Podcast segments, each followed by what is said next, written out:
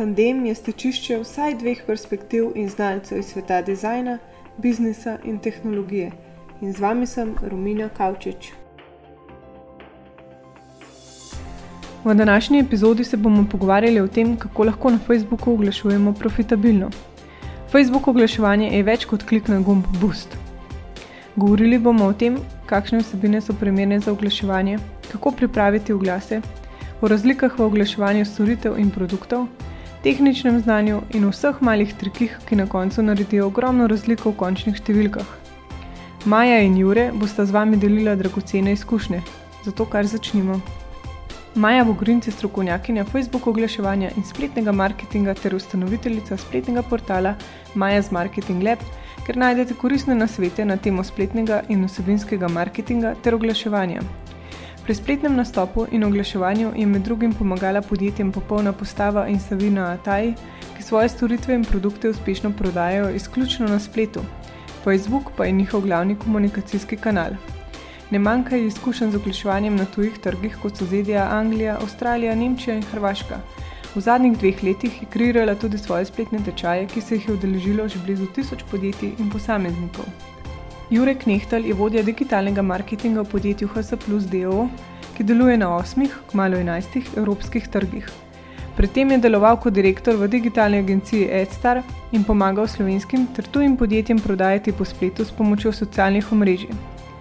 Kljub svojim 25 letom je v svoji karieri deloval že na več kot 110 različnih projektih, prodal produkte v več kot 120 držav, na socialnih omrežjih porabil že več kot 3 milijone in pol in prodal za več kot 15 milijonov evrov. Živijo obema. Živijo. Bomo začeli kar um, na začetku in sicer povejte malo o sebi, oziroma vajna zgodba, kako ste sploh začeli z oglaševanjem in zakaj vaju še vedno veseli. Bo kar maja začela.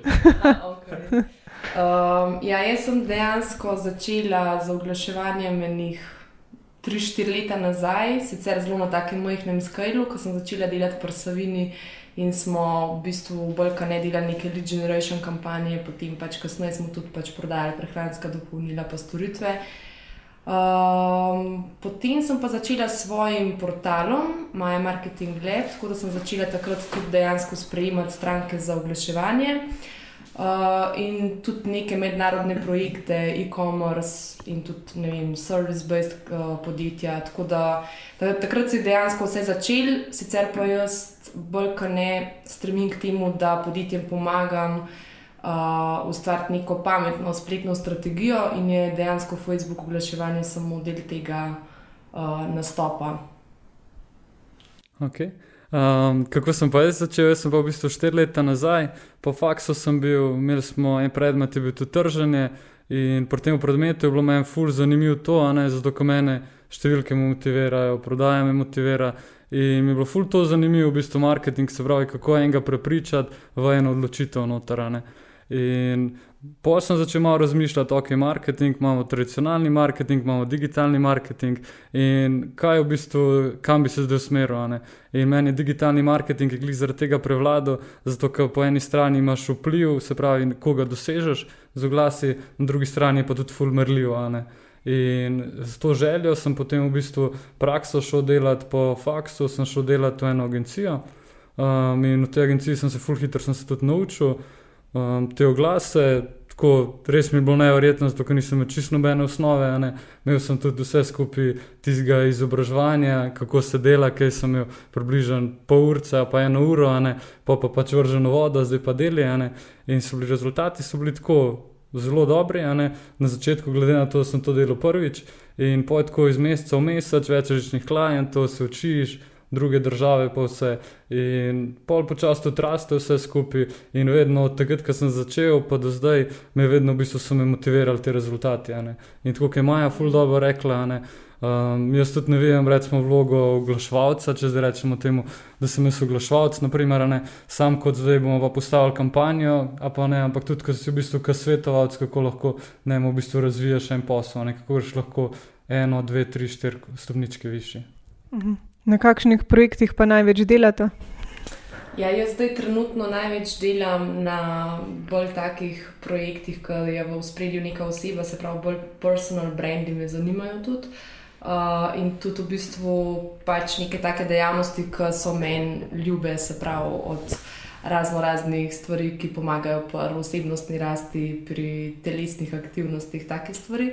Tako da dejansko pač se tudi odločam, s kom bom sodelovala na ta način, če mi produkt potegne. Zaradi tega, ker jaz sem bolj kot ne one man band in uh, si lahko pač tudi to selektivnost privoščim. Tako da, um, ja, drugače pa tudi sprejmem kakšen e-commerce pač projekt, ki mi je zanimiv, um, čistko zaradi ziva in zato, da vidiš.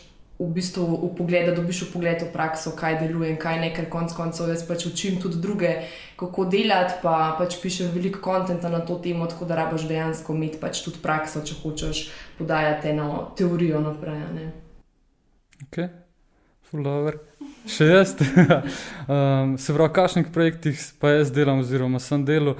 Na začetku sem delal karkoli je prišlo. Se pravi, čisto vse je samo, da je bilo za delo, zato da bi šli izkušnje. Tudi na začetku pač plačano, sploh ni bilo, bilo treba pač freelance, da se za to narediti, dajati na svete, ki ni zdolgo, praktično dač nazaj. Ne? Pa pa itak, tako kot ne vršti maja, si pa tudi kasneje, vedno več projektov, ko imaš, pa pa lahko tudi malo začneš zbirati. Ne? In za me, full dobra niša je bila to, se pravi, kako lahko slovenskim podjetjem pomagaš prodreti oziroma prodati v tujino. In mene to vedno fulj zanima, zato ker Slovenija, kot kar v bistvu rečejo vsi, da je nerazvita, ampak je v digitalno so fulj, fulj, fulj razviti. Je sicer ja, smo za Ameriko, smo za zahodni svet, ampak glede na to, kako zdaj podjetja delajo, imajo dosti dobre že strategije, pa vse ne. Ne znajo pa iti ven. In jaz sem to v bistvu, nišo sem vedno videl v tem, kako lahko v bistvu enemu slovenskem podjetju pomagaš v tujino prodretane. In večina ljudi pač ne vem, nima znanja, pa si ne upa to dejansko delati. Mene je bilo pa to takrat full izziv in to sem vedno pol nadaljeval. In takrat meni je full nor podatek to, ne se pravi, ne vem, do enemu dnevu prodaš 20-30 različnih držav, pač to je noro. Iz ene Slovenije, iz Ljubljane, pol šipajo, ne vem, po celem svetu grejo v Avstralijo, Veliko Britanijo, v Ameriko pa to. Ne. Tako da meni je v bistvu to, zdaj v zadnjem času se v bistvu fokusiram samo na en projekt, se pravi, grem v bistvu in-house, grem delati uh, enem podjetju noter in tam pa razvijam ekipo in tam je pa v bistvu moj izziv. Tudi da naredimo globalno zgodbo in da naredimo v bistvu takšen digitalni marketing, ki ga še noben ni imel. Mhm.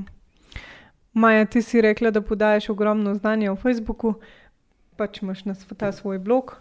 Pa me zanima, zdaj verjetno že veš, kje se ljudem največkrat dotakne pri oglaševanju, kaj so tiste osnove, ki bi jih mogel vsak imeti. Ja, dejansko se jim zatakne že v samem začetku, kar, v bistvu, kar se ne tiče Facebook oglaševanja direktno, ampak pač neke strategije uh, pozicioniranja blagovne znamke, v bistvu prodaje na spletu, sploh um, kako zgraditi nek pameten sales funnel, kako v bistvu uh, pristopiti do svoje idealne stranke, kaj v bistvu, kje so tisti triggeri, ki sprožajo pač nek določen nakup. Ne znajo dejansko niti povedati, uh, velikrat, zakaj je pač njihov produkt tako drugačen in zakaj ne ga v bistvu sploh mhm. kupci kupijo. Ne? Se pravi, če ti to ne veš, ne znaš izpostavljati niti benefitov, niti nagovarjati stranke, niti v bistvu producirati nekega pametnega konta, ki bi ti v bistvu pač uh, propeljal prodajo na Facebooku. To je to so res pač te osnove. Potem pa se v bistvu zatika na vsakem koraku, ne? ker pač moje stranke, oziroma pač tudi te uh, uporabniki, ki so šli mogoče skozi spletni tečaj, Facebook oglaševanja in tako. So ponavadi, recimo, one-man bandi, ki delajo vsi sami, vse. In je pač logično, da niso mogoče podkovani tako dobro, tudi v tehničnem smislu, pa tudi tako, pač, um, da nimajo nekih izkušenj v smislu zastavljanja kreativ. Uh, ampak dejansko zatika se v bistvu že tam, tudi ko se lotijo oglaševanja, pa naredijo mogoče neko kreativo, pa v bistvu potem pustijo defaultne nastavitve um, na, na Facebooku, kar v bistvu vemo, da ni dobra, dobra poteza pa uh, potem tudi mogoče že pri optimiziranju kampanje, pač ne vem, velikrat optimizirajo za engagement, za klike in tako naprej, pa pričakujejo prodajo in to pri Facebooku res, res ima velik vpliv. Um, tako da ja, to so te pač najpogostejše napake. Torej, z, če bi hotel spremeniti defaultne nastavitve, morajo tako pač vedeti to, kar si prej omenila. tarčno skupino in jo pol določate ja. na podlagi tega.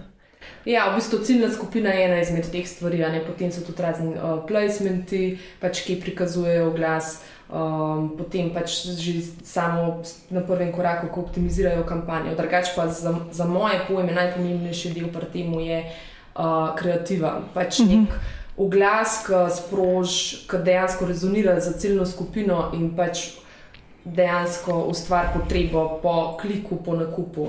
Da, uh mhm. Torej, dizajn je pomemben, oziroma da je dizajn konsistenten z njihovim brandingom. Mogoče niti ne dizajn, pač kot dizajn oglasa, ampak kreativa v smislu, da pač nagovarja neko emocijo uh, uporabnika na drugi uh mhm. -huh. strani, se pravi s tekstom, sliko, z videom, s, pač ta format oglasa, da dejansko ustavi pač ta scrolling uh, uporabnika skozi. Uh mhm. -huh. Okay, uh, moje mnenje pa je, da veliko se tudi zatakne to, ker ja, okay, imajo glas, ima dobro, narejen, kreativa je super, ciljno skupino zadanejo, pravi cilj izberejo. Ampak kaj se pa po zgodi, ker dejansko en uporabnik klikne na glas, pa pa on prije na spletno stran, ki ni prilagojena za mobilce. Opa, 2.18 smo, prva napaka pol druga napaka, kam dejansko on pride. Ali je zdaj to homepage, ali je to zdaj, da ima direkt obrazec, pa spoh ne ve, kaj dejansko izpolnjuje, ali je to zdaj tisti produkt, ki ga je on dejansko videl na sliki, pa na videu ali ni. Ali je to ena druga podstrana, je ogromno teksta. Dejansko to so pa pol, ful tiste malenkosti, ki so zelo, zelo pomembne, se pravi, ne samo komu prikažemo glas, pa kam pokažemo, pa kaj ga tudi peljemo. Zato, ker Facebook algoritem tudi dela na podlagi tega. Ne? In veliko pozornost zdaj te pač tudi na to. Zdaj tudi mogoče tranzicija, te včasih je bilo vse en, desktop, mobile, par let nazaj je bilo pol-pol. Zdaj dejansko mi prej stranka, ki sem jaz dejansko delal za njih, je nekje že 85% ljudi pride sami iz mobila. Zakaj? Zato, ker je večino trafika iz Facebooka pa Instagrama. Ne? In je treba razmišljati to, kako lahko v bistvu njim prilagodimo vsebino samo na spletni strani, kako on tudi potuje, kako je košara narejena. Ne? In jaz pa tukaj vem, drugač, da je največja priložnost, ne proti temu. Uh mhm. -huh. Ja, pa mogoče v bistvu že sam offer, tudi eh, ker pač produkt ni enako offer. Recimo, kako imajo strukturirano to ponudbo na strani. Eno je pač nek price point, ne vem, druge so mogoče neke druge stvari, ki jih želiš izpostaviti, so zraven kakšni freemiumi ali je garancija. V bistvu vse to je. Ja. V, bistvu dobiš pogled na no, Facebooku, glasi, recimo, če v prvi fazi ful dobro delujejo, pa ti prinašajo trafik na stran, pa tudi mogoče to, da daje, daje ful ljudi v košarico, ampak pa je zapušča košarico, pač je res problem na tvoji spletni strani, ne v Facebooku glasih. Pa moramo imeti takšne neke tule, da spremljajo. Ja, dejansko pač pa analitiko. Sej, uh, Facebook analitika je pač taka osnovna in tako potem tudi. Verjetno imajo večja podjetja neko in-house analitiko ali pa Google Analytics, Mixpen ali pač te razno razne mm. stvari. Pa še mogoče ena misel, da večina ljudi pozablja na to, da ti res dober glas, ni narejen, ampak je, je zgrajen. Se pravi, eno glas, ki na začetku ga postavimo, pa to, da je treba pod dejansko še veliko na njemu dela, da se ga optimizira, pa vse, da pa res doseže tisto optimalni maksimum. Ne? Ja, tako da morajo biti podjetja pripravljena sodelovati, pa delati, ne, ne da samo mhm. najamejo oglaševalca. Pa pač, ker oglaševalec lahko naredi ful dobre oglase, ampak potem je dejansko tudi na njih, oziroma na sodelovanju z oglaševalcem, da pač izboljšajo konverzijsko stopno, da pač vidijo, kje se stvari zatikajo. Mhm.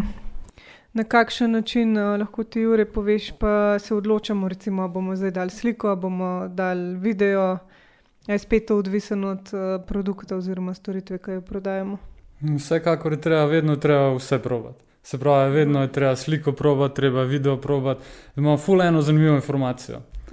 Mm, na Facebooku, zadnjič smo bili par tednov nazaj, sem bil v Dublinu v pisarni in smo imeli tam v bistvu uh, smo imeli eno predavanje, kjer je pač en model, ki je bil čist, res kreativc, noro, noro je najboljše predavanje, kar sem ga imel kdaj v življenju.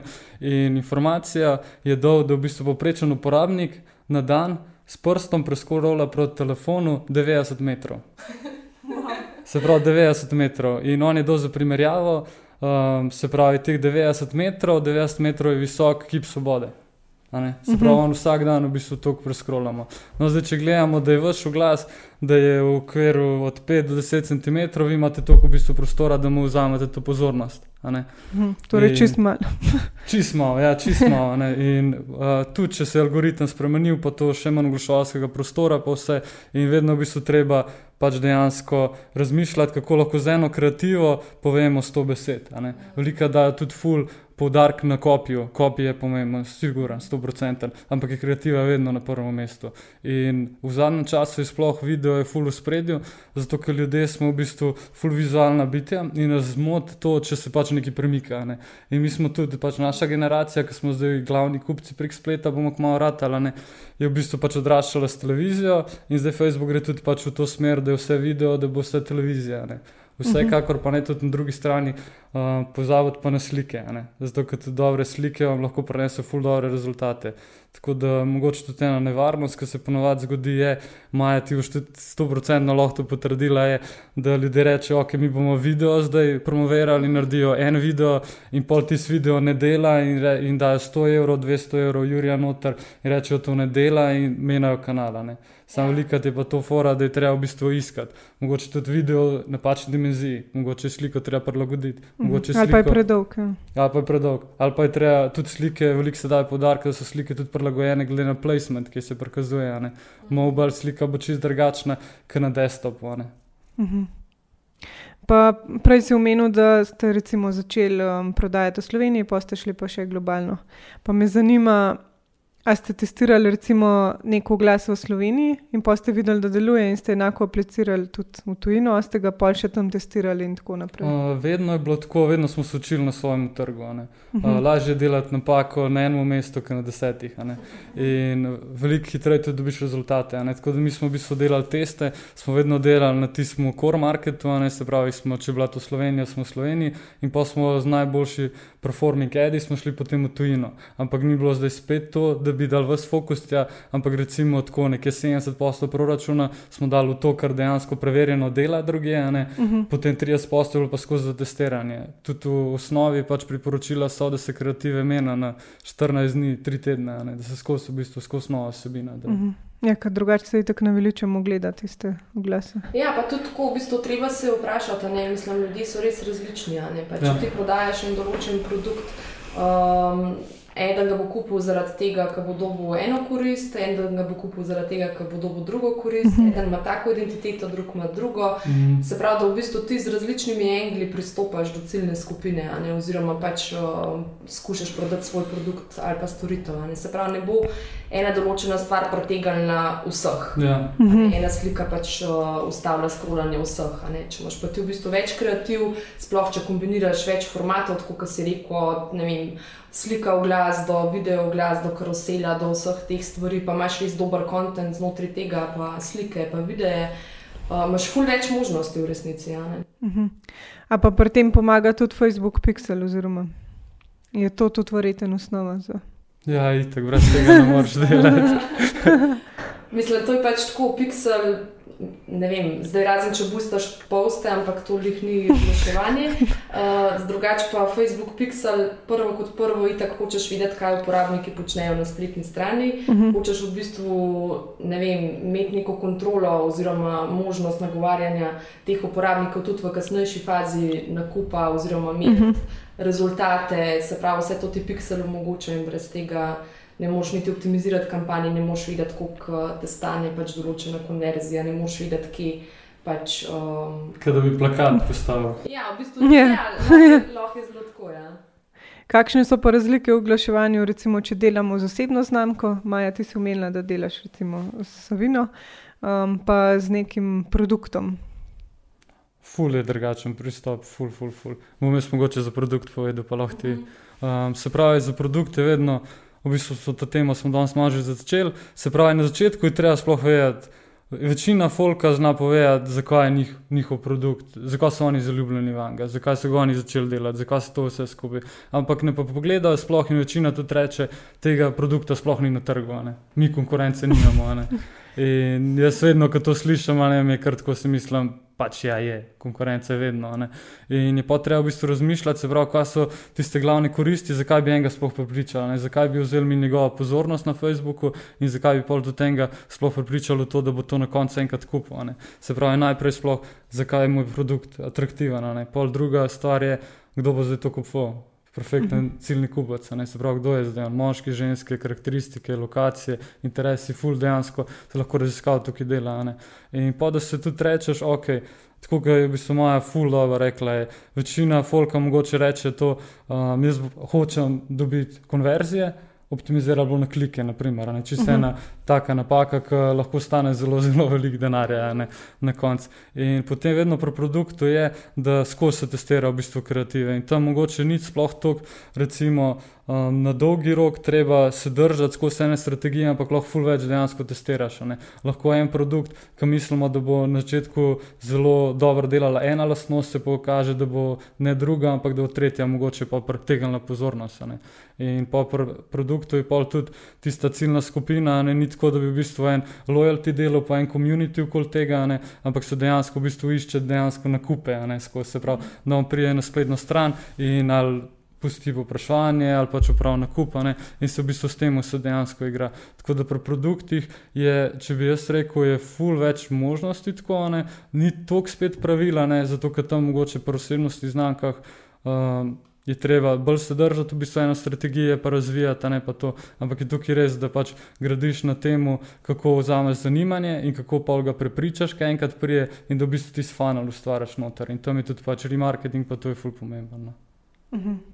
Torej, v bistvu se boriš s konverzijo, da je čim nižja konverzija. Medtem ko se da vse.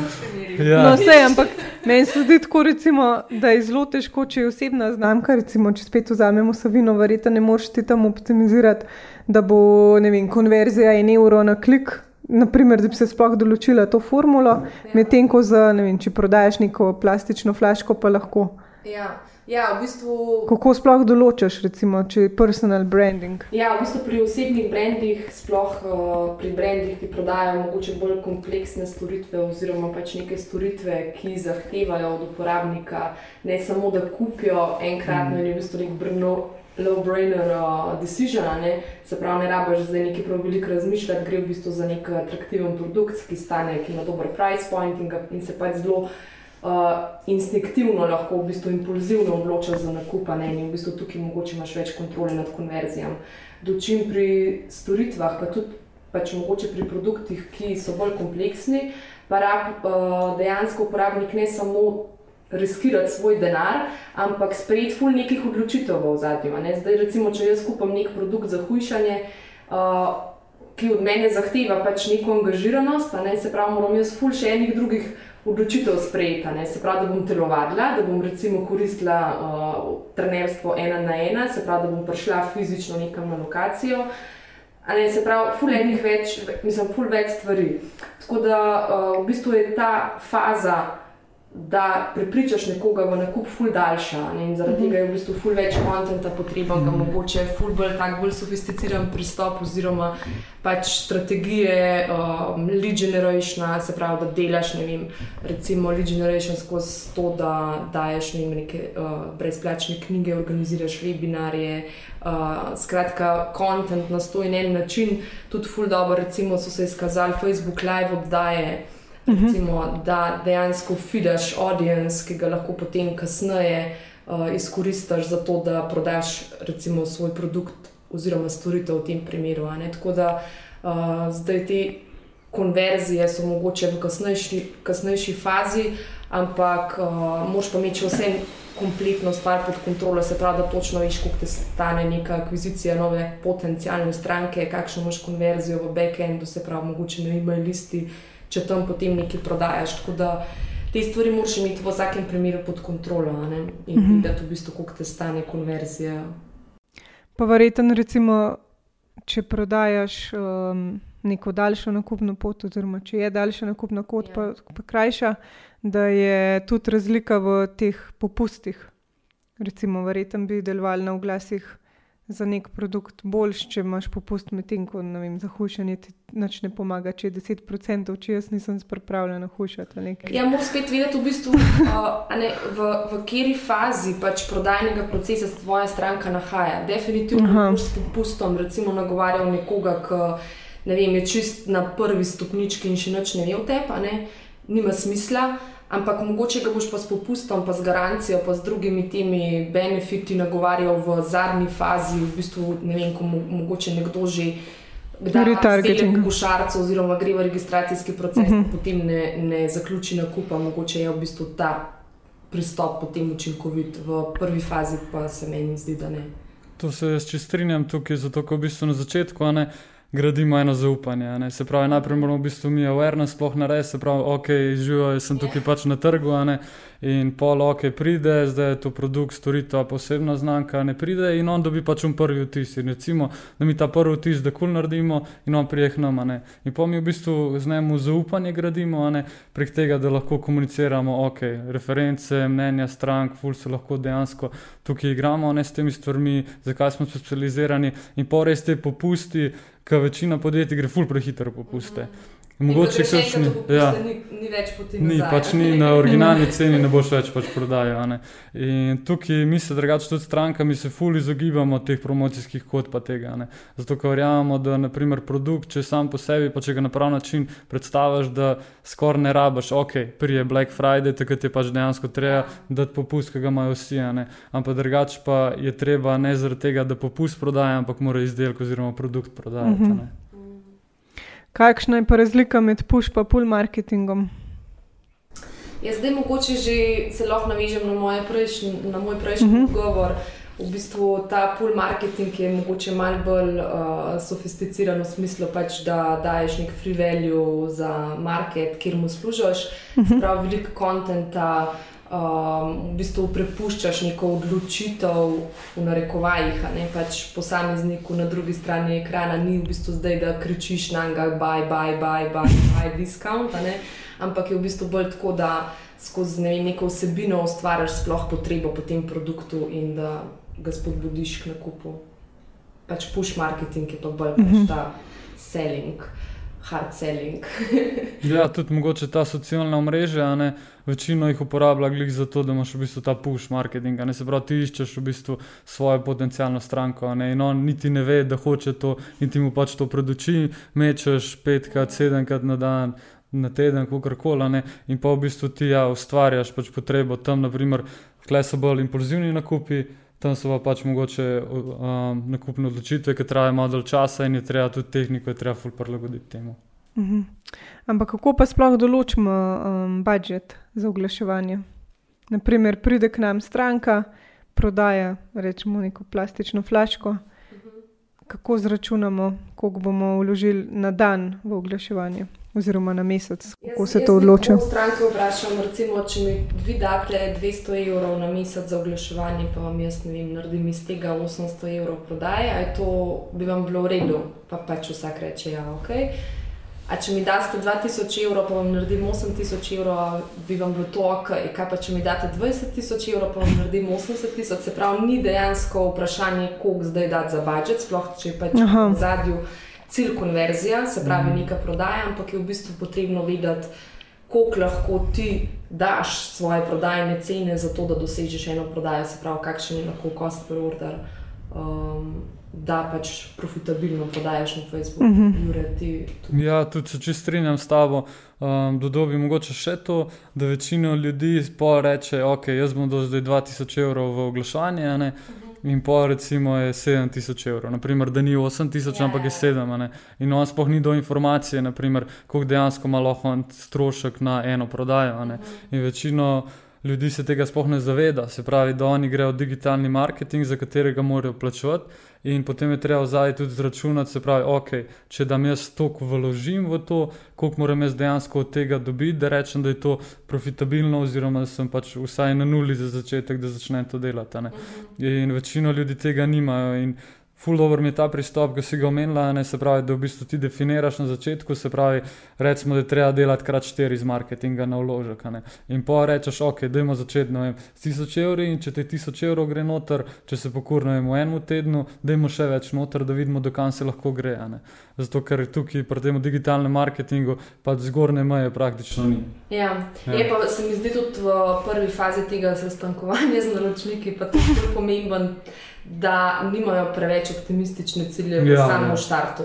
Ker kar se velikokrat dogaja, je v bistvu tudi to, zdaj zelo je odvisno od tega, kaj ti prodajaš. a ne. Uh, ker če imaš, ne vem, recimo lifetime value stranke, ne vem, dva, tri. Dve, tri leta, ali pa da v bistvu ne vem, mogoče um, nek kupec, ki ga mi pridobimo z tekom oglaševanja, oglaševalske kampanje, mogoče petkrat potem še kup v tvoji trgovini na e-mail listi, pač se je vedno potrebno vprašati, a ne tudi, tudi to v bistvu. Zdaj, ja, pač v prvi fazi, kakšen mora biti cost per order, to je v bistvu najbolj simpel formula. ne. Ja, Ampak v drugi. začetek je ja, to. ja, recimo. Ja. Tudi v bistvu, če prodajaš nek tak trendy produkt, recimo kaj je svim, nek fashion produkt, uro ali pa kaj takega, je to v bistvu zelo enostavno. Ampak če pa ti prodajaš recimo ne vem, neko prehransko dopolnilo, ki ga v bistvu stranka kupuje, ne vem, povprečno 4-krat, 5-krat na leta, ne, je pa mogoče smiselno, da razmisliš, ok, jaz želim v akvizicijski kampanji, se pravi v prvi prodajni kampanji, pridobiti prodajo z nič zaslužka, zaradi tega, ker v bistvu meni potem e-mail marketing, pa vse te upselli, ki jih jaz imam potem v backendu, tako dobro delajo, da bom jaz itak dobil Nazaj. ja. pač to notara, ne? ampak ne v prvi fazi oglaševanja, ne? oziroma pač v tej kampanji, ki dejansko delam na akviziciji nove, novih strank. Tu se jaz ful strinjam, zato ker slovenska podjetja ful pozabljajo to. Ja. Ful, ful, ful. Da je v bistvu, zato ker vsa tuja podjetja slonijo v bistvu na tem, se pravi, kako lahko to življenjsko vrednost stranke, kako definirati in koliko dejansko so pripravljeni. In v tujini večkrat so dejansko več pripravljeni plačati za prvi nakup, ker sploh izdelek stane, produkt Ja. stane. a Ne, kaj. zato ker vejo, da bo v povprečju on zapravil ne vem, 200-300 evrov, ne, čeprav je prvi nakup če je 20 evrov. ne. In Tukaj pa dejansko treba je dosti dolgoročno gledati, ne se pravi, da potem tudi gradimo odnos s tistim, ki dejansko kup, ki je že kup pri nas, zato ker pač svojemu obstoječemu kupcu je najlažje prodati. a ne. To je res, ja. Pa tudi mogoče, če nimaš še tega produkta, ki bi ga uh, stranka kontinuirano kupovala ali pa še enkrat mm. kupila, mogoče treba razmisliti, kaj lahko še narediš, da mislim, razviješ Da bi. ne vem, nek uh, komplementaren produkt, neko nadgradnjo, nek dodačen, dodaten feature, nek, nekaj, kar lahko mogoče maksimizira pa to vrednost stranke oziroma podaljša njen cikl. Mhm. Ampak kako pa pol povišujemo mm, obseg te kampanje? Naprimer, če začnem z 10 evri na dan, kako pa lahko povečam naprimer, na 100 evrov ali pa 1000 ali pa kasneje 10 tisoč, brez da mi se zviša ta strošek na konverzijo. To je vedno vprašanje. To, vsak, kdorkoli dela digitalni marketing, je to vprašanje. In kar se v bistvu meni v praksi najbolj pokazalo, je, um, nekaj, če dela, pusti primer. Ja. a ne. Se pravi, če ena kampanja, če dobro dela, ne je spremenja čist nič, ukolikor se gre povečevati proračun, je priporočen tudi, naprimer, čist primer iz tega. Stranka ali pa oglaševalec postal kampanjo. a ne. In v prvem dnevu ne mu ne gre, ali pa mu gre, in on že prvi dan začne proračun dejansko ful povečevati. Ampak v osnovi, naprimer, algoritem, če zdaj govorimo naprimer, specifično pri Facebooku, pa pri Instagramu, bo začel dejansko normalno delati, če le ko bo na eni kampanji, ko bo 50 konverzij. To je drugače, dejansko ta stopnja oziroma faza učenja toliko časa traja noter. Tako da takrat tudi strategijo eni imajo, da, da na začetku ful ve- visok proračun in ga pol nižajo, zato se lahko kampanja čim hitreje nauči. In večino folk, folka potem pol povečuje ta proračun skozi gor, gor, gor, gor, gor in pa reče, ja, prej sem imel 4 evre na konverzijo, zdaj imam pa 18, to je kar neki, ne vem kaj, ne da se skelati. Ampak treba razmišljati v drugo smer, vkolikor pri kampanji eni bomo začeli proračun povečevati, se to dela, jaz priporočam maksimalno 10 do 15% na dan, da se gre, pa se 24 ur pač pusti dejansko. Drug primer pa je, da kampanjo, ki dela, pustiš. Naj dela ona full dobro, kot bo pač preživela, in da pol dubliraš in v bistvu uporabiš iste kreative, pa drugo ciljno skupino. Torej, koliko pa ponavadi začnete vidvo oglaševati, oziroma kaj je priporočilo sploh za enega začetnika?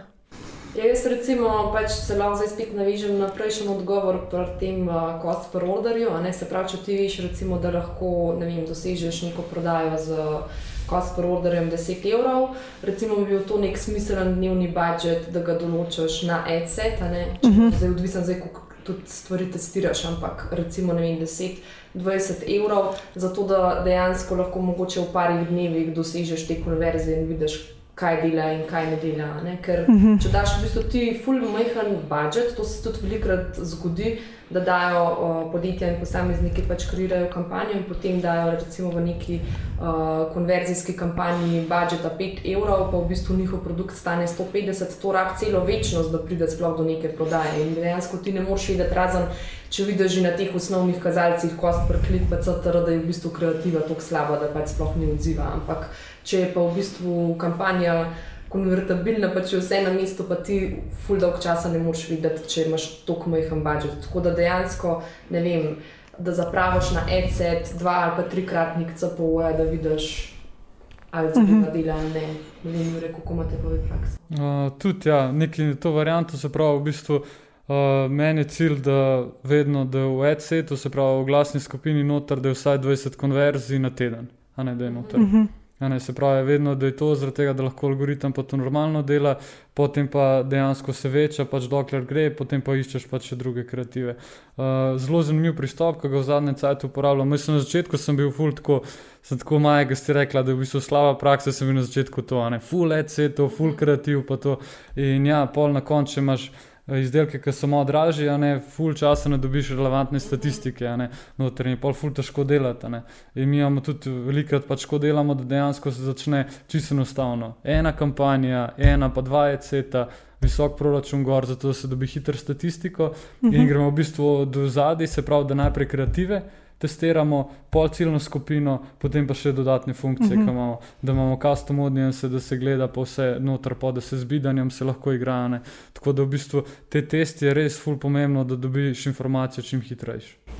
Pa tudi, recimo, ne vem, zdaj uh, to, kar si rekel, ja, da imaš večji budžet na EC, to je tudi zelo fajn. Ampak koliko je to pol večji? To, kar ga pol recimo v prihodnosti to, nimaš? Recimo je nek 20 konverzij na teden dosežeš, kot je rekel. In recimo zdaj, uh, ne vem, je to bi bil nekaj časa nazaj problem, sploh za e-commerce, ki imajo recimo večji produktni portfolio ne, in rabijo recimo več stvari izpostavljati. Ampak zdaj v bistvu imaš ne ta dynamic creative, full dobra funkcionalnost. Mm, lahko, po kolekšni potem. Ja, ja. ker lahko dejansko full. Uh, produktov noter izpostaviš, a ne pa daš ful večji budžet na ECET, pa ti v bistvu Facebook dinamično prikazuje stvari, ki najbolj rezonirajo s celno skupino. Aha, že oni se sami odločijo. Ja.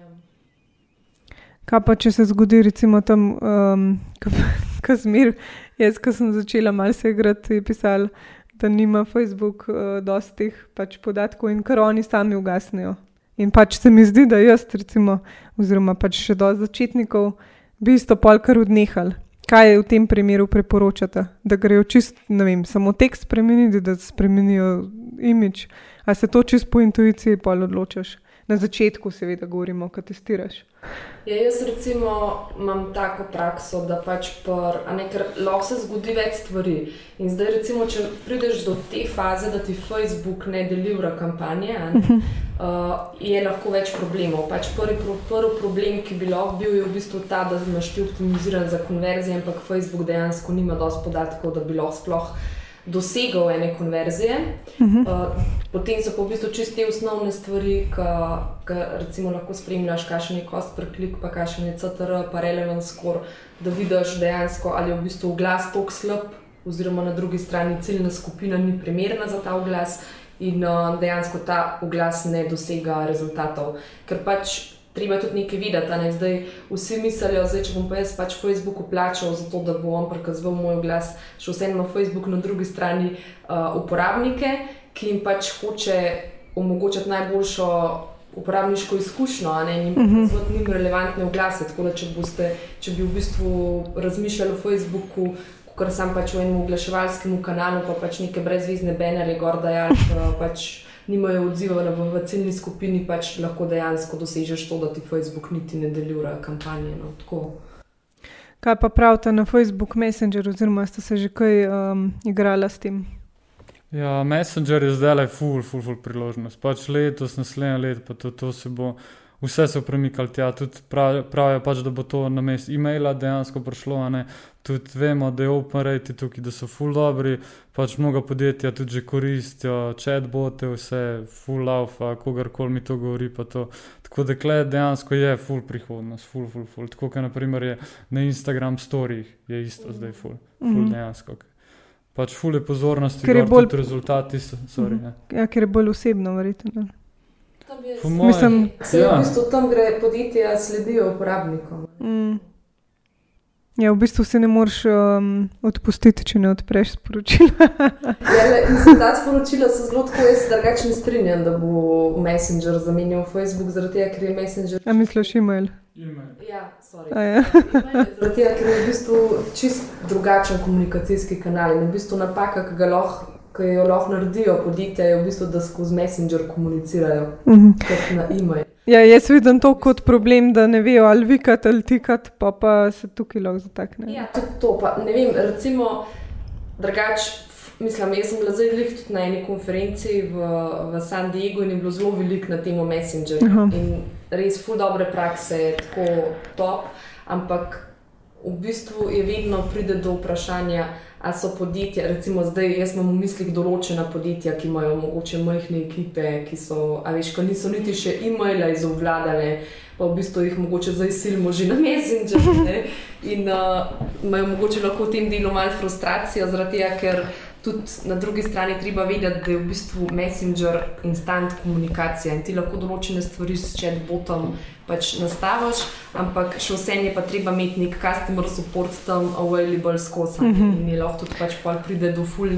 Uh, nekih vprašanj, pa to, ki jih ne moreš niti handlati. Drugače je pa zanimivo. No? Jaz sem že nekaj izprobavala, pa malo kvize, pa tako uh, je v bistvu kar dosti fan. Mhm. Ja, verjetno je ta chatbot namenjen samo tisti začetni vzpostavitvi nekega stika. Kaj jaz Ja. pridem na stran, da pač recimo čez večer um, pišem, da mi chatbot nekaj ponudi, zjutraj pa pač dobim ne vem, rek, nek ril odgovor. Ja, v bistvu mislim tako v tujini, drugače je ful, res ful, ful, ful priložnosti. Recimo Facebook ima zdaj tudi možnost, da ti kar znotraj Messengerja opraviš nakup.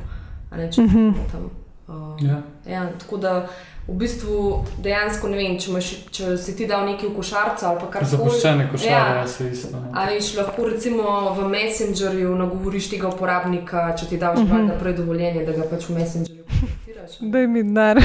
Ja. Pač lahko rečeš, hej, hej pač pozabil sem nekaj košarci, samo en klik capa. Ne? In je v bistvu to vse s Stripeom povezan, pa s temi payment uh, metodami, tako da je v bistvu zelo easy. Vse to je pač ena stvar, druga je pa tudi v bistvu ta engaging content, recimo vem, v Sloveniji se gre ful dobro za moje pojmenje gizmo, kam skozi neke te uganke, pa uh, a veš, ti igrice, v bistvu, da nekaj rešiš, v bistvu je tako, pač drugačen način komuniciranja, se pravi, da še vse pogruntaš uh, en način, bolj tak fani, no? um, kako. Ja, verjetno mislim, se mi zdi, da imajo tudi mlajšo ciljno skupino. Ne? Ja, ja. Kaj pa pravite na zadnje spremembe Facebooka, oziroma na to, ko se zdaj fokusirajo bolj na neke personal feede? A kaj to vpliva na oglaševanje? Ja, zagotovo ful vpliva na to. Ampak te spremembe, zdaj, ki so bile, so bile nujne. Zakaj? Zato, ker je bilo preveč, bilo zasičeno vsega. Vsi so še šli v oglaševanje in vsi so v bistvu dobili prepoceni rezultate. Facebook, Instagram, dejansko tu vse je ful podcenjeno. Če gledamo, koliko dejansko ljudi mi lahko dosežemo, koliko gledov, koliko ljudi lahko prije na našo stran, koliko nakupov se lahko zgodi, je to res noro.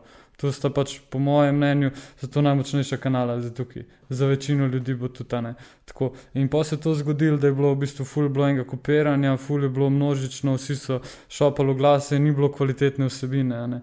In jaz sem tudi pri sebi sem opazil, jaz dejansko sploh nisem hotel iti na Facebook gor. Ne, zato, ker je bilo skozi bilo eno in isto. Ljudje itak niso več komunicirali, dejansko objave, če se spomnimo, 4-5 let nazaj so vsi skozi objavljali. Ne si prišel na Facebook, pa si videl, ok, ta je šel na izlet, ta se je zaročil, ta je bil na morju, vse si vedel, kaj se dejansko. Zdaj mogoče Instagram vzel to vlogo, dejansko od tega, kar gre. In so v bistvu Facebook zdaj izkoriščajo podjetja za komuniciranje. Ne. In tega je bilo zdaj preveč. In hočejo oni dejansko so tudi opazili, da je- ljudje so zdaj manj časa bili na Facebooku, manjkrat so se vračali, ne, zato je bilo skozi ena ista vsebina. In zaradi tega so oni mogli to narediti. Uh -huh. In oglaševalci, ja, vsekakor, zato ker je manj oglaševalskega prostora, ne, dražji so. Ampak to je tako, da dejansko v ekonomiji pač, pride kriza. Ne. Kriza pride zaradi tega, pač, da slabši dejansko propadajo in da močnejši ostanejo noter. Tako da jaz. Vsi rečejo, da ja, zdaj bo pa konec. Takrat se spomnim, ko je bila novica, so rekli, mi ne bomo mogli več oglaševati na Facebooku, katastrofa. Ja, 40% podjetij bo odpadalo, ne? ampak tiste, ki bo pa delali dejansko na kontentu, ki bo vlagalo v oglaševanje, tudi ful velikrat je bilo tako, ne, zdaj so mi pa organski obisk vzeli. Je logično, pač vse jih, hvala Bogu, ti sploh kaj dajo za stona. Pač drugače v Facebooku, Instagramu, pa to, po mojem mnenju, bi mogli čisto vse plačati. Zato, ker ti si organsko, kaj je res. Zato, ker se na televiziji tudi ne dobiš za ston brezplačnega golšovskega prostora. In vse, kar dobimo dejansko, ker ni treba plačati, je samo bonus. Drugače, to vse je v osnovi za to narejeno, da bi podjetja pač plačvala za to. In jaz mislim, da bo to podjetje ful dobro predsililo, da bojo mogli delati bolj kvalitetne vsebine in bojo tudi ful bolj to prijazni uporabnikom, spet se bojo vračali, spet bo še rali sem zelo redko, včasih sem full share, dejansko te objave, pa vse pa komentiral. Zdaj je to full teže, tudi na oglasih, če vidimo, koliko je engagement, pa to mora biti res dober oglas, da dejansko se bodo ljudje sploh odzvali na te stvari. Ja, v bistvu um, res je, pač ne moreš v Facebooku razmišljati kot v nekem oglaševalskem mediju, ki lahko pač, uh, samo šopaš v glase gor, ampak je v bistvu res treba razmisliti, mogoče kako nekaj atraktivnega um, deliti v bistvu gor, recimo, vem, da spodbudiš inspiracijo, da izobražuješ, da, uh, da ima v bistvu tvoje osebine, oziroma že samo glas, mogoče eno vrednost za uporabnika. Um, ker pač konkurenca je vse večja in to je logično, pač, ker Facebook nima zdaj neomejeno glasnega prostora in pač zdaj strošek oglaševanja se bo vse čas povečeval, na drugi strani pa. Um, tudi uporabniki silijo nekako Facebook, da postane bolj pač njim prijazna platforma. Tako da ne vem, v bistvu je bila ta ja. teza zelo, zelo logična. No. Drugače pa jaz osebno pač nisem opazila nobenih drastičnih. Um, Zvišen cen po tej spremembi, mm -hmm. ampak sem jo že prej, mm -hmm. pač sploh v tujini, v Sloveniji, niti ne. Uh, se pa zelo, zelo, zelo pozna na, or, na organi gričo, no. to se pa ogromno pozna. Uh mhm. -huh. Pač uh, PG, njihov kontent, tudi če je dober kontent, ima. Ne vem, 50-70% manj no, ja. kriča, kot ga je imel mogoče en let, dve let nazaj. Jaz bi še nekaj dodal. Uh -huh. um, dodal bi še to, da je večino zdaj. Se maja, veš, zdaj mi smo na 3-4 leta v tem. In vsak let se govori, jo, kaj pa če bo s Facebookom konca. Uh -huh kao, pa noben vhod, pa predrago bo pa to. Ne. Sam dejstvo je, da to bo. Oni bojo, zato ker oni dejansko to podjetje obstaja, zaradi tega, ker dobijo denar od oglaševanja noter, tako da oni bojo pač hoteli. In zdaj je tudi, jaz sem bil pač zdaj dejansko, sem fu razmišljal o tem, da so oni v bistvu zdaj v fazi, oni so se na začetku se ful fokusirali, kako narediti čim boljšo platformo za uporabnika. Ne. In zdaj oni pač imajo te uporabnike, oni ful drastično, zdaj v številu uporabnikov ne morejo zrasti. To oni morajo delati na lojalnosti teh, da se uh -huh. bodo mhm. vračali. In zdaj so v bistvu v fazi, kako bodo oni zdaj prilagodili to svojim strankam. Njihove stranke so pa podjetja, ki plačujejo za oglaševanje. Ja, in zaradi tega je zdaj v zadnjem času full featurejev dejansko prišlo ven, ki so namenjeni prav na temu, da boš ti lahko dosegel svoj cilj. Zdaj pač ful noro, koliko dejansko formatov se da dejansko že oblikovati. Naprimer za prodajne oglase, pa vse pa to še prihaja. Oni skozi sprašujejo, skozi, hej, kaj bi, kaj lahko še izboljšamo, kaj lahko še izboljšamo, kaj lahko izboljšamo. In izboljšujejo dejansko stvari. Tako da pač ja, Facebook bo, zdaj samo vprašanje, bo podjetja imela dosti dobre strategije. Pa kreative, pa mhm. dejansko tehnično, če bojo znala to, da bo pač ostala zdrava. Pa v primerjavi z, ne vem, ko imamo še Instagram, Google AdWords, je še vedno, pa YouTube, seveda Twitter, je verjeten Facebook najbolj uporabljen. Oziroma, večina podjetij kar najprej pomisli na Facebook, pa grejo še let drugam, ker mogoče bi bilo pa smiselno, da najprej pomislijo na Instagram, sploh kakšne fashion stvari ali kakšne imate vidve predloge. Ja, mislim, treba se vprašati, kje se nahajajo tvoje idealne stranke. Tudi YouTube je, recimo, full dobro kanal, pa jaz osebno pač uh, ne oglašujem tam.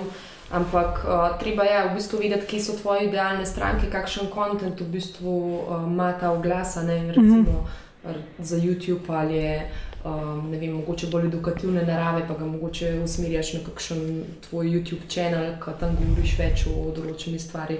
Tako, um, zdaj za Google je pa, je pa tudi dejansko, ne? zdaj um, v fazi awarenessa je full dobro tudi Facebook, pa Instagram. Pa tako zdaj, recimo, v čist na dnu sales funnel je pa tudi recimo uh, search, ne v glasih. Uh -huh ful dobri, recimo, ali, vem, za, če uporabnik išče brend ali pa če išče po določenih keywordih, da ta del izkoriste.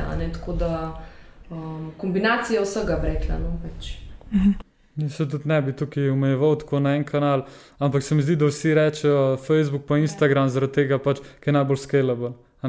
Pa Zato, največ uporabnikov ima. Ja, največ uporabnikov pa ne rabiš, da te on v bistvu išče.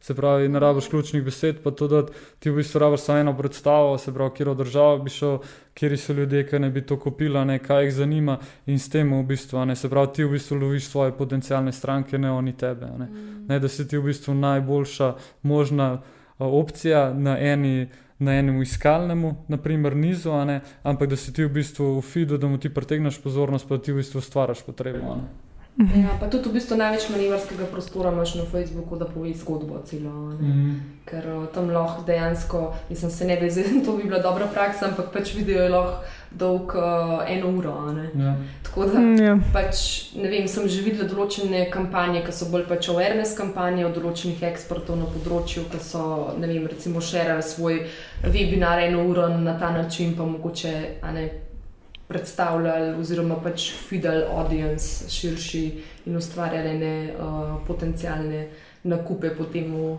kasnejši fazi. Je pa tudi zelo zanimivo še zraven, na drugi strani, če pa gledamo naprimer Instagram. Zagotovo se spomniš, da je Instagram prišel v oglaševanje. Ja. Zdaj, ljudem je bilo to pač nekaj čist čudnega, ne? zaradi tega, ker naenkrat je bilo nekaj, ki si lahko kliknil in te usmeril na stran. In za oglaševalce je bilo to takrat iz vidika klikov noro. To je bilo en cent, je bilo na klika, pa še manj. Ne? Ampak kupu ni noben, čisto noben. Zato, ker ljudje niso bili navajeni, da se sploh oglasijo tam noter. Ne? In to je zdaj pač zdaj že več kot dve leti, to dejansko obstaja. In zdaj Instagram počasi po rezultatih, pa tudi, tudi lahko lovi Facebook. Tudi, naprimer, story, ki so med story. Zdaj, če gledamo, naprimer. Kogarkoli vprašamo, jaz vedno furat vprašam ljudi, kam greste najprej, na Facebook ali na Instagram. Večino ljudi reče Instagram. In pol je še naprej vprašanje. Se pravi, a greste najprej storije gledati, a greste feed gledati, grejo storije gledati. Ne? Se pravi, pozornost je v bistvu tista prva, ki je, gre na storije noter in tukaj zdaj se oglasi in ljudje se zdaj tudi to vedno bolj navajajo, da so tudi pripravljeni iz tega dosti dobro klikati in tudi konverzijske stopne se izboljšujejo. Ampak vse rab tudi čas. Facebook je pa po mojem zato atraktiven, zato ker že toliko časa je v bistvu na trgu, pa tudi rezultati so dokaj dobri skozi. Oziroma, ko pride nova funkcija, se lahko še izboljšujejo, ampak zelo dolg ima ta v bistvu lifetime spend. Mhm. Kaj pa iz vidika targetiranja, aj na Instagramu tudi lahko tako natančno določiti, naprimer, targetiram samo ženske, stare od vem, 20 do 25 in s temi interesi ali še ni to kdo delan dejansko uporabljaš. To je isto. Vse Facebook, pa Instagram je isto. Dobro, sam na Instagramu, ja, če imaš povezan, sam recimo, če so pa uporabniki samo na Instagramu. Pa pa verjetno nimajo vseh teh podatkov, se sploh ne imajo, treba ja, tam dodati za rojstvo. To je v bistvu te interesti, in pa vse to, to se beleži iz različnih zornih kotov. Pač dejansko uh -huh. to samo pogojen s tvojim uh, profilom, ki ga imaš ti kreiranega, ampak je pogojen s tem, kjer je uh, website, kaj gledaš. Ja. Uh, obisk, obiskuješ, ker ne Pixel, ki smo pač uh -huh. prej omenjali. Ga imajo i tako večinoma vsa podjetja, ki so pač vsaj malo res na, na, spletu, na spletni strani. Uh, in pač se pravi, vse te interakcije z uporabniki na spletu se trekajo. Se pravi, že tudi tukaj dobiva Facebook informacije, kdo ima kakšne interese. Mm pol je pač čisto, kjer jim Instagram profilom slediš, kjer je Facebook, pa če imaš lajkanje, v katerih grupah si aktiven. Ful velikrat recimo tako, imam kakšno kolegico, ne vem, kam otroka, pa reče, je pa kako Facebook ve, da imam jaz otroka, pa se nisem dala sploh nič gor. Aha, ok, sam si pa v bistvu članica skupine Rojenčki, ja. pa ne vem, v Messengerju se tipkaš, uh, a greš po pleničke, prosim, mislim tako, mm -hmm. ne pač iz vseh teh kanalov dejansko kolekta informacije. Ja, in vem. In večina folka je tudi, tudi strah, ne reče, jo, zdaj ima polno toliko informacij, a ne omejen, kaj pa zdaj, ne. Me je pa to ful dobro. Ja, meni veš tisto, kar te dejansko zanima. paše. A Mislim, ne? da me zanima. In Ja. ljudje to ne razumejo, ne, da zdaj s tem, da, pač ti, da oni imajo eno vzorco, te, kaj te zanima, je to ful dobro. Meni je bilo najhuj, ko sem dve leti, dve leti nazaj, ko sem dobil pač v glas, postani kraljica noči. Sem dobil jaz v glas. ne. In takrat sem jaz rekel, ok, s tem targetom je pač nekaj narobe. Ne. Zdaj po zadnjem času pa tako. Si še modrče kupil online. Ja. ne, ampak tako ful je bilo, takrat ne vem, če so bili luke lajki že. Okay. Uh, tako da meni to ful dobro, ne, ker dejansko lahko dobiš in spoznaš tudi nove stvari iz svojega področja. Ne, in oni grejo tudi vedno bolj grejo v to smer, ne funkcija bo, če boš ti dejansko iskal na eni spletni trgovini, naprimer en izdelek, da boš pol ti šel v bistvu za ciljno skupino, tudi za drugo konkurenčno. Ne, in te bo on lahko dinamično tudi tako, ne z izdelki noter. dal. Tako da meni v bistvu ta pristop mi je pač top. Zato, ker najdeš v bistvu stvari, ki tebe zanimajo. Ne. Ja, no, vse zadnje se tudi sam odločaš, kaj želiš deliti. pa Tako, ne. Ja, pa če ne želiš, da karkoli ve Facebook o tebi, ga ne uporabljate.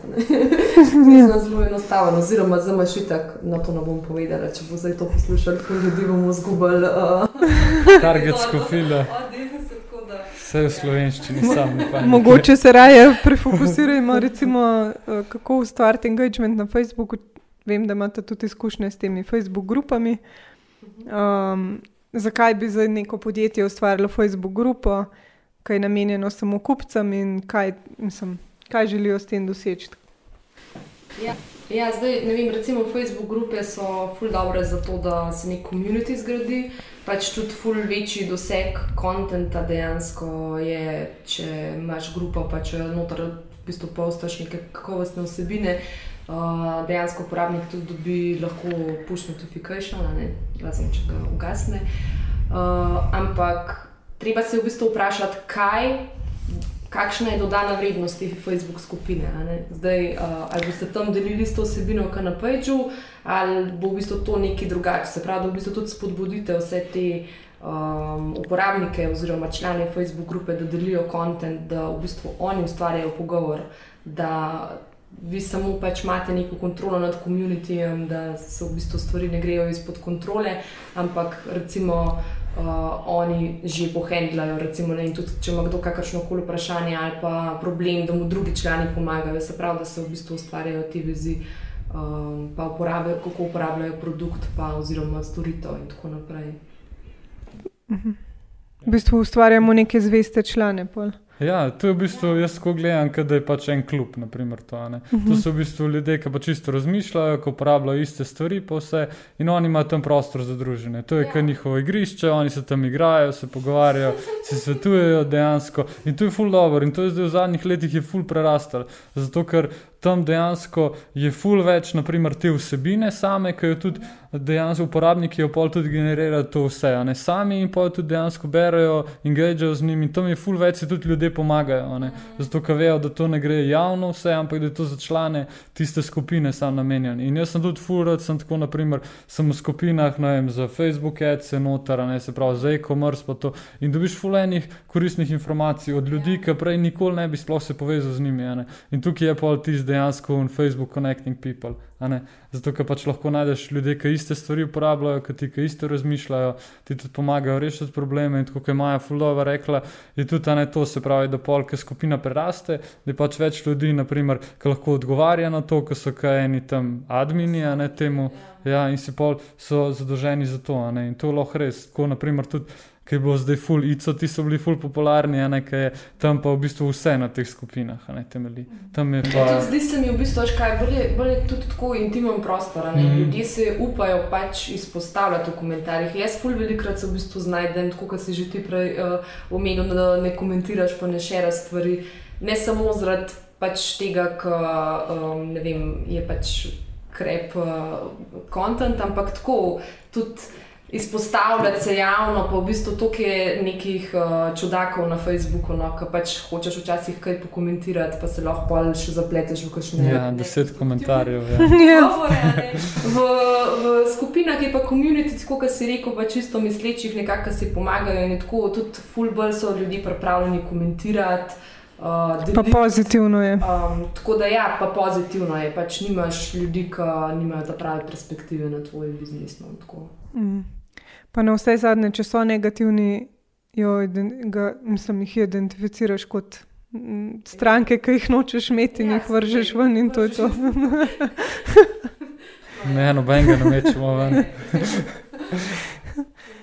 okay, um, mogoče zdaj lahko za konec poveste še, kje se lahko pač ti naši poslušalci naučijo več, oziroma kje se vidva naučita več, kje dobita inspiracijo ali pa karkoli za eksperimentiranje. Ali pa recimo že to, kar sta govorila danes ful o spremembah Facebooka, če so kakšni tutoriali na netu, kjer govorijo o teh spremembah. Kakšen pa je. Ja. Uh, tega na netu je res ogromno. In je treba v bistvu si sam izbrati pač par recimo, teh kanalov, ki so, ki ste zdijo zanimivi, tudi ljudi, pač dejansko, ki jim zaupaš, ali pa ki delajo podobne stvari. Meni je vedno tako fulor se mi pogovarja tudi z ljudmi, ali so zdaj slovenci ali tujci, ki delajo podobne stvari. a? Zato, ker imaš na koncu imaš iste probleme in tudi najlažje je pol tudi, da si rešitve. a. Enkrat bo pač en enemu do eno koristno informacijo, enkrat bo drug. a ne. Zdaj, kar jaz fulor gledam, je, ne vem, pač Sploh ne vem, zdaj, da bi rekel link, dejansko, kjer ga furati gledam. Res pač ne vem tako, ne, zato ker je toliko enih informacij in skozi dejansko pač itak na socialnih omrežjih, če imaš polajkan te glavne Facebook strani, neka so pa itak. Ti že mečejo glase zraven, pa vse tako dobiš dosti hitre informacije. Ampak reč največ informacij, tako kot sem jaz dobil ponoviti, je prek pogovorov. Dejansko z osebami, zato ker vsak ima svoje izkušnje in pa, ko si deliš izkušnje, pa dejansko lahko tisto znanje res dobiš. ne. Ja, pa tudi recimo prek Facebook skupine, ki Ja, so noter tam ful ful veliko, recimo, šerajo, uh, kaj stadije, pa take zadeve. Drugače pa jaz osebno poslušam, ne vem, podcast od Digital Marketerja, ki mi tako pač kulski, praktičen, tudi v bistvu včasih dobivam ideje za, content, za svoj kontent na blogu, pač to ne pomeni, da copy-paste, ampak sam tako pač dobiš neko, neko idejo. Uh, potem, ne vem, recimo John Loomer mi je kul, cool, dejansko vse objav, kar je noga na Facebooku, vse te tehnične um, feature, ful dobro razložiti, tako da tudi recimo to spremljam. Drugače pa, ja, pač ne vem, razno razne knjige, kurse, pač sem že. Že prej je ful veliko pač kontenta predelala, tako da dejansko praksa pa pogovori z drugimi, ki delajo na tem področju, ti res dajo največ. Mhm. Tako Da, ja. Ker ponovadi, ko je objavljen, je že skoraj prepozen. Ja, ja. Je najbolj, da ti en pove, tako iz prve roke, a ne hiter pa da testiraš. Mhm. Ja, se strinjam. A pa je treba, no, za konec še to, ker vsi mislijo, da je treba biti neko, da je treba biti full tehnično podkovan, če hočeš oglaševati na Facebooku. A se strinjate ali ne? ja, jaz mislim drugače, da ne, zaradi tega, ker um, ne vem, dejansko sam zdaj spet, ne, zdaj je pač odvisen, koga, koga gledaš. Pač eni ne znajo niti do ads menedžerja priti, tako da mislim, da takim ni pomoči. ampak uh, recimo, če si mal bolj tako računalniško pismen, se lahko zelo hitro naučiš platformo uporabljati. Zdaj bolj pomembno. Pa če znaš angliško. Ja. ja, ker drugače imaš. Um, ne vem, kako se že Pixel imenuje, ampak tako neki zelo smešen ga je. Mislim. A je poslovenjen. Ja, ja, po Sloveniji. A ja. in je tako, uh, To pa moramo slišati. Ja, bomo pogledali. Ja. Uh, no, v glavnem pač bolj se mi zdi, da dobijo feeling, pač, kako sploh oglaševati, pa kako gledati na Facebook, da ne gledajo v bistvu kot na nek oglaševalski kanal, ampak pač na socialno platformo, kar v bistvu na vse zadnje je Facebook. a ne. Uh, tako da v bistvu te tehnične stvari se lahko zelo izi prek uh, YouTube tutorialov, če si pač pal uh, iznajdljiv naučiš uporabljati. Drugače pa, če si marketinger po duši, pa tako, da imaš občutek za kontent, pa za ljudi, da znaš nagovarjati, da poznaš psihologijo posameznika, se mi zdi ta tehničen del piece of cake. Ja, se strinjam. Ja. Um, ja, na začetku, če se pač osnovo, da začneš, pa to, to res ni težko. Platforma je tako prilagojena, da je praktično lahko jaz danes mojo staro mamo naučim, da to delam. Pač res No, pa je dober UX. Ja, dobro, do, odlično je narejen to. Um, pa, pa je odvisen, koliko se dejansko hočeš iti, koliko zahtevno se greš, ampak v osnovi, ja, to je pravično, se lahko vsak nauči, ni težko. Uh, pol je pa bolj v bistvu, če pa hočeš enkrat ful prerasti, tujino, večji proračuni, pa to, tam pa porabiš v bistvu malo kilometrine. Tam tudi ni sploh to, da bi zdaj mogel ne vem, kakšne informacije slišati, pa kaj, ampak je res, kot si ti rekla, ne, je ti feeling, ki ga dobiš pol enkrat, ki tu pa tu proračuna, ki se porabi, ker je tu pa tu kampanji čez, ki veš tudi malo, kako se algoritem obnaša, tudi kako, tudi recimo po vsaki strani je čist drugačen, vsako podjetje bo čist drugače to delalo. Tako da, ja, načeloma vsi, ki se želite, se lahko naučite to, pa boste pa rabili tudi malo kilometrine, to pa to, da se da, ampak načeloma ja, ni težko. Mm. Kar je pa vse v lifeu, da rabimo malo kilometrine. Ja, ja. Pač, na začetku je tako, če bi šla gledati, kaj ste naredili, prvi glas. oh, no. Takrat so bili sami še desni, ali ja, tako desni. Ja. No, ampak to je dober znak, pač, da ste se fulno naučila in ja. zdaj ja. obvladate. Oziroma se skozi izobražujete. Ja, v bistvu. Nikoli tudi tiska, misliš nekaj, da dela, pa to naslednji teden ne bo več delal. Ja, tako tukaj skozi testiraš. Ja. Mm, vse zato je pa po mojem res. Zato je to exciting. Ja, ko smo se pogovarjali, ne, v bistvu ni pol sam ena platforma, ne, ampak je dejansko kako lahko gledaš pol na cel spleten posel. Ne, to spletna prodaja, to pr dobivanje poprašanj, da imaš tudi recimo osnovno znanje iz drugih kanalov, koliko je dizajn pomemben dejansko, UX, da se CRO dela vse, da imaš tu lepo, da iščeš. Ne, in je v bistvu res eno širino ti da, kar je pač meni noro, no, ful mi všeč to delati. Oj, ful vam hvala za vse te dragocene izkušnje. Hvala za pomoč. Ja, hvala.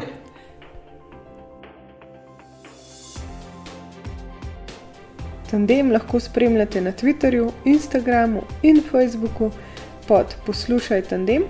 Vaša mnenja in predloge pošljite na hajafna poslušaj tandem.si. Adijo, se slišimo čez 14 dni.